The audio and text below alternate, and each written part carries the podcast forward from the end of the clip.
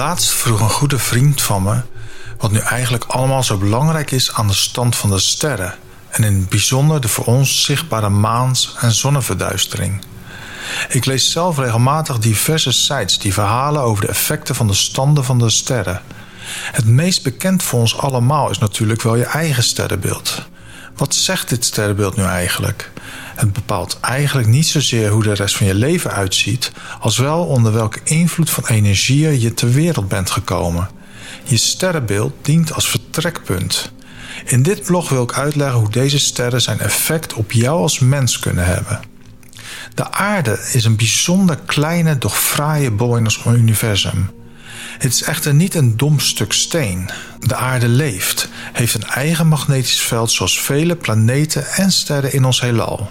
Zoals je weet, als je wel eens met magneten gespeeld hebt, hebben magneten afhankelijk van de lading een afstotingskracht of een aantrekkingskracht ten opzichte van elkaar.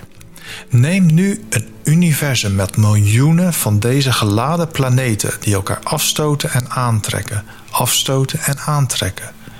Planeten bewegen niet zomaar, maar staan onder een continu spanningsveld, waardoor ze zich afstoten van elkaar en bij voldoende afstand weer aangetrokken worden of worden afgestoten door een andere kracht. Nu lopen er op deze planeet ook nog eens energetisch geladen mensen. Energie reageert op energie en dus afhankelijk van de invloed van die andere soms immens grote planeten staan ook die kleine energetische mensen onder een zekere spanning. Nu is deze spanning niet plus 1 of 0 of min 1, maar eerder een combinatie. 0 plus 1 min 1 min 1 0 0 plus 1 0 plus plus 0 en ga nog maar even door. Die invulling wordt gegeven door de stand van de planeten ten opzichte van elkaar. En sommige hebben, omdat ze zo dichtbij staan, een grotere invloed dan de ander. Stel, je staat op een sportveld en iemand staat naast je en begint te schreeuwen. Dan is het effect daarvan duidelijk hoorbaar. Staat diezelfde persoon 100 meter verder, dan hoor je hem al minder. Ook al staat hij niet minder hard te schreeuwen. Stel, er staan 10 mensen op 10 verschillende plekken en op diverse afstand tot jou en ze beginnen te schreeuwen. De een iets harder dan de ander. Dan wordt het al snel een cacophonie van geluid.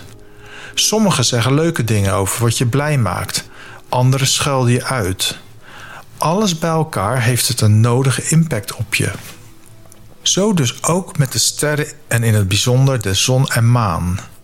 Waarbij het bijzondere van de maan is dat deze zo dichtbij is en zijn zichtbaarheid ontleent aan het licht van de zon.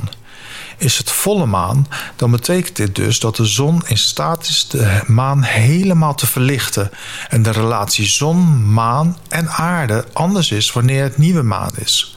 Zo staan we continu bloot aan een veranderde stand tussen zon, maan en aarde en het energetisch effect daarvan. Wat is nu het bijzondere van een eclips? Vooral de stand van de zon, maan en aarde ten opzichte van elkaar en de energetische invloed die daaruit voortvloeit. Want als er bijvoorbeeld opeens een zonsverduistering is, wat betekent dat dan eigenlijk? In de energetische balans die continu wordt gecreëerd door zon, maan en aarde, wordt heel even de invloed van de zon gereduceerd. Alsof je in de winter onder de warme douche staat en iemand draait opeens de kraan dicht en zet hem na 30 seconden weer aan. Eerst koel je enorm af en als de kraan weer aangaat, krijg je weer een koude lading over je heen, alvorens het warme water weer over je lichaam stroomt. Dus hebben de planeten en eclipsen invloed op ons als mens? Ik meen van wel.